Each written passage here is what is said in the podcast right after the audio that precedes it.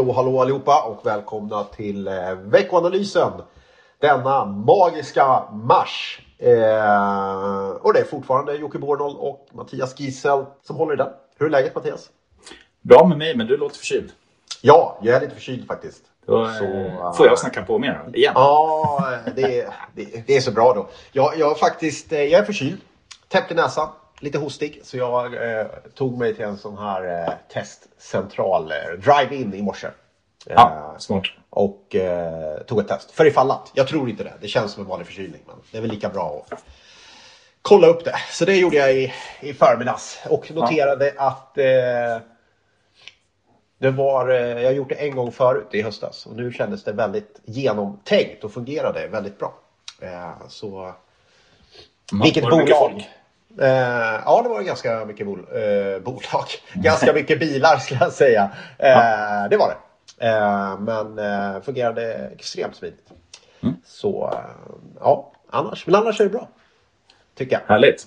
Ja, det är samma här. Kanske därför att det var ju en helt okej eh, vecka på börsen i alla fall som gick förra Mm. veckan. Hyfsat stark. Ja, kan man ju säga. Typ nya rekord nästan varje dag. Ja, Så, ja, ja, det, är- ja, det är häftigt. Och eh, jag menar, det är väl det här rekordstora stimulanspaketet som varit klubbat och påskrivet. Så att eh, det är ja, det är väl som ligger bakom och självklart också lite grann andra nyheter. Europeiska centralbanken som var lite duvaktig och så vidare. Så att, ja, men det känns ju otroligt starkt fortfarande. Verkligen. just det. Och det här stimulanspaketet, det är, det är väl helt klart så att eh, en hel del pengar av det går in på börsen, kunde man konstatera förra gången. Det blev helikopterpengar i USA. Sen var det en annan grej jag tänkte på det faktiskt. Man brukar ganska ofta säga att eh, det också betalas av eller amorteras av en hel del på skuldberget i USA när man gör sådär. Men frågan för är väl inte om mycket av det som amorteras är nog på kreditkortsskuld. Och då skapar ju det helt plötsligt nytt köputrymme. Man brukar kanske säga att det är lite negativt eh, om sådana här stimulanser går till amortering därför att då, då, då, då eh, går det inte till konsumtion. Men egentligen i USA går det nog till konsumtion ändå. Därför att, därför att det, det är, eh, skapar köputrymme på kreditkortet. Absolut. Sen är det ju så av de här 1900 miljarderna dollar som det handlar om. Det är, ju, det är fyra delar i det. Eh, en del är ju 750 miljarder dollar i pandemibekämpning. Sen är ju 600 miljarder som går till familjer och olika bidrag, bland annat checkar då rakt av på 1400 dollar. Ja. Sen är det då eh, 400 miljarder dollar i bidrag till utsatta hushåll och 150 miljarder dollar till eh, småföretag. Så det är lite blandad kompott, men totalt är det ju enorma siffror. Och eh, det kommer ju då alltså i år uppgå till mellan ja, 11 till 13 procent av BNP. BNP. Så det är ju en riktigt stor, eh, stor stimulans och vi kan ju räkna med att det ja, dels drar igång konsumtion men det kommer ju gynna arbetsmarknad och det kommer ju om man tittar på nya tillväxtsiffror. Nu har det ju precis beslutats då, men om man tittar på de aktörer som faktiskt har lagt med eh, det här i sina prognoser så ligger man ju alltså på en tillväxt på runt 8% i år i USA. Så att, eh, det kommer bli ytterligare prognosupprevideringar och eh, ja, men en riktigt stark ekonomi i år. Tack vare det. Yes. Är det bara positivt? Alltså det är, Eller är så, det, är det konstgjord andning? Konstgjord andning men den funkar ju så länge man håller på. Man har ju lite grann ja, jobbat sig in i ett hörn kan man säga. Så att, eh, hittills så har vi ju bara sett utökade stimulanser varje gång det har krisat. Och frågan är ju vad det blir i nästa kris. Så vi hade ju en sån förra året i, i början på året och det, det ledde ju bara till mer stimulanser. Så det funkar ju just nu men det är ju absolut en liten doping kan man säga och eh, ökar på, på skuldsättningen naturligtvis i många delar av världen. Förra veckan kom det en hel del rapporter också. Eller en hel del, men det kom några. Clas Ohlson kanske man kan lyfta fram. Vuxendagiset klarar sig ganska bra faktiskt. Klart bättre än väntat på samtliga poster. Vad man visade upp var kanske något svagare försäljning här i, i början av året. Däremot kom ju H&M idag i måndag när vi spelar in det här. Det är måndag eftermiddag som vanligt. H&M kom med försäljningssiffror. Starkt eh, får man säga. Det är klart att det sjunker men inte så mycket som man skulle kunna tro. Det känns lite grann som att de här stora kedjorna de klarar den här pandemin ganska väl. Det är inte där det är riktigt, riktigt tufft utan det är bland de mindre kedjorna och kanske fristående eh, butikerna som har det betydligt svettigare.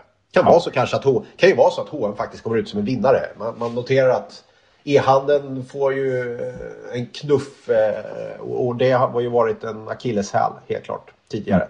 Ja, men dels har man nog eh, lättare att styra om ja, lite kollektion och annat kan jag tänka mig. Och, och man kanske har lite lättare med leveranser, man kan styra om där. Och dessutom så har man ju, och det visar sig även i Clas Ohlsons fall, att man kan ju faktiskt jobba rätt mycket med kostnadskontrollen. Så att, ja, ja. jag håller med dig.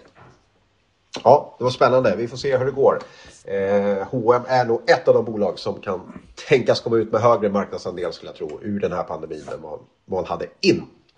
Hur såg det ut på makrofronten eh, förra veckan? Industriproduktion va?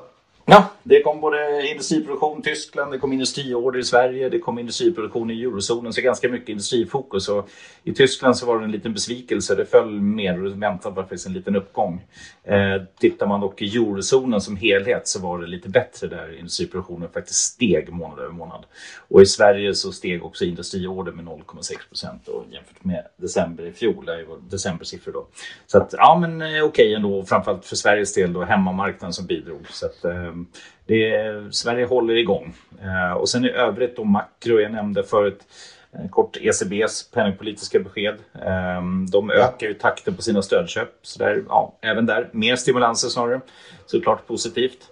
Eh, och sen så eh, sysselsättningsstatistik i Europa också eh, ökade faktiskt också jämfört med föregående kvartal. Så bra ändå överlag i Europa och i USA så så var det en ja, lite småföretagarindex, inflationsstatistik och eh, ja, vad kan man säga där, hyfsat i linje eh, på de tre. Det som stack ut positivt var väl det här preliminära Michigan-index som är en sån här konsumentförtroendemätning och det, ja, det hoppade upp rejält och det är väl naturligtvis i samband med de massvaccineringar som genomförs i USA och eh, självklart också stimulanser som ja, då i samband med enkäten eh, förväntades i alla fall och som nu har bekräftats.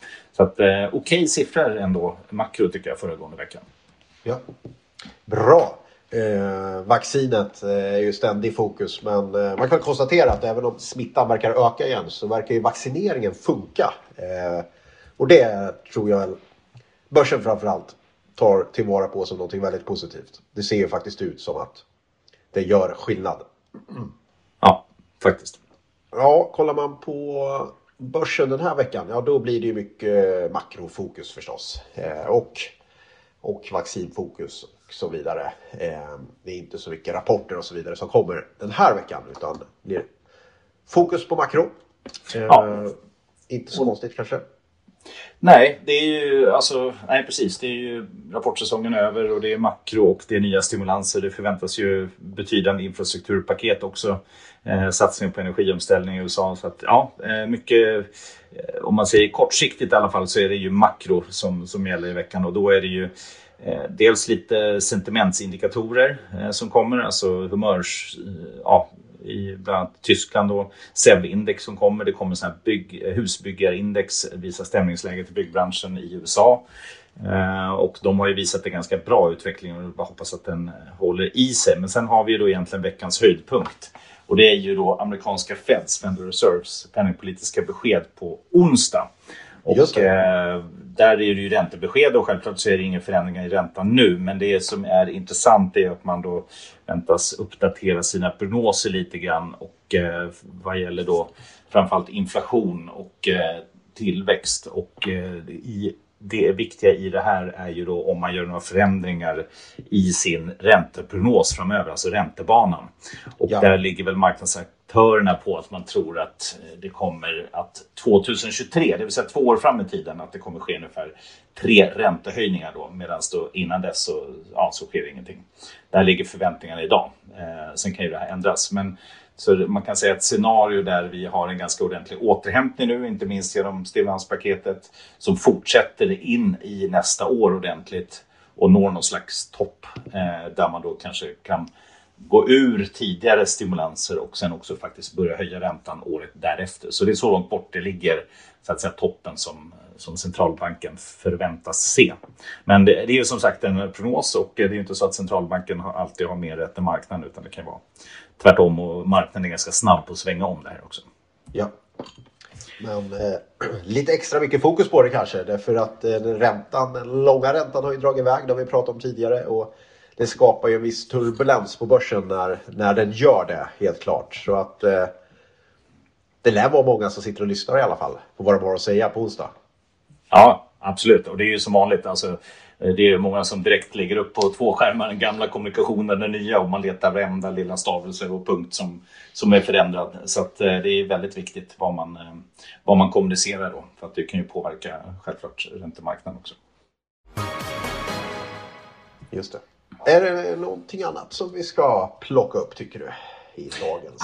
Ah, jag tycker väl allmänt så här om man tittar liksom framöver. Vad kan man förvänta sig efter liksom rapporterna nu och ja, den makro som är just nu. Och vi har ju nämnt några grejer i senaste veckanalysen. Vi har pratat om kinesisk kredittillväxt.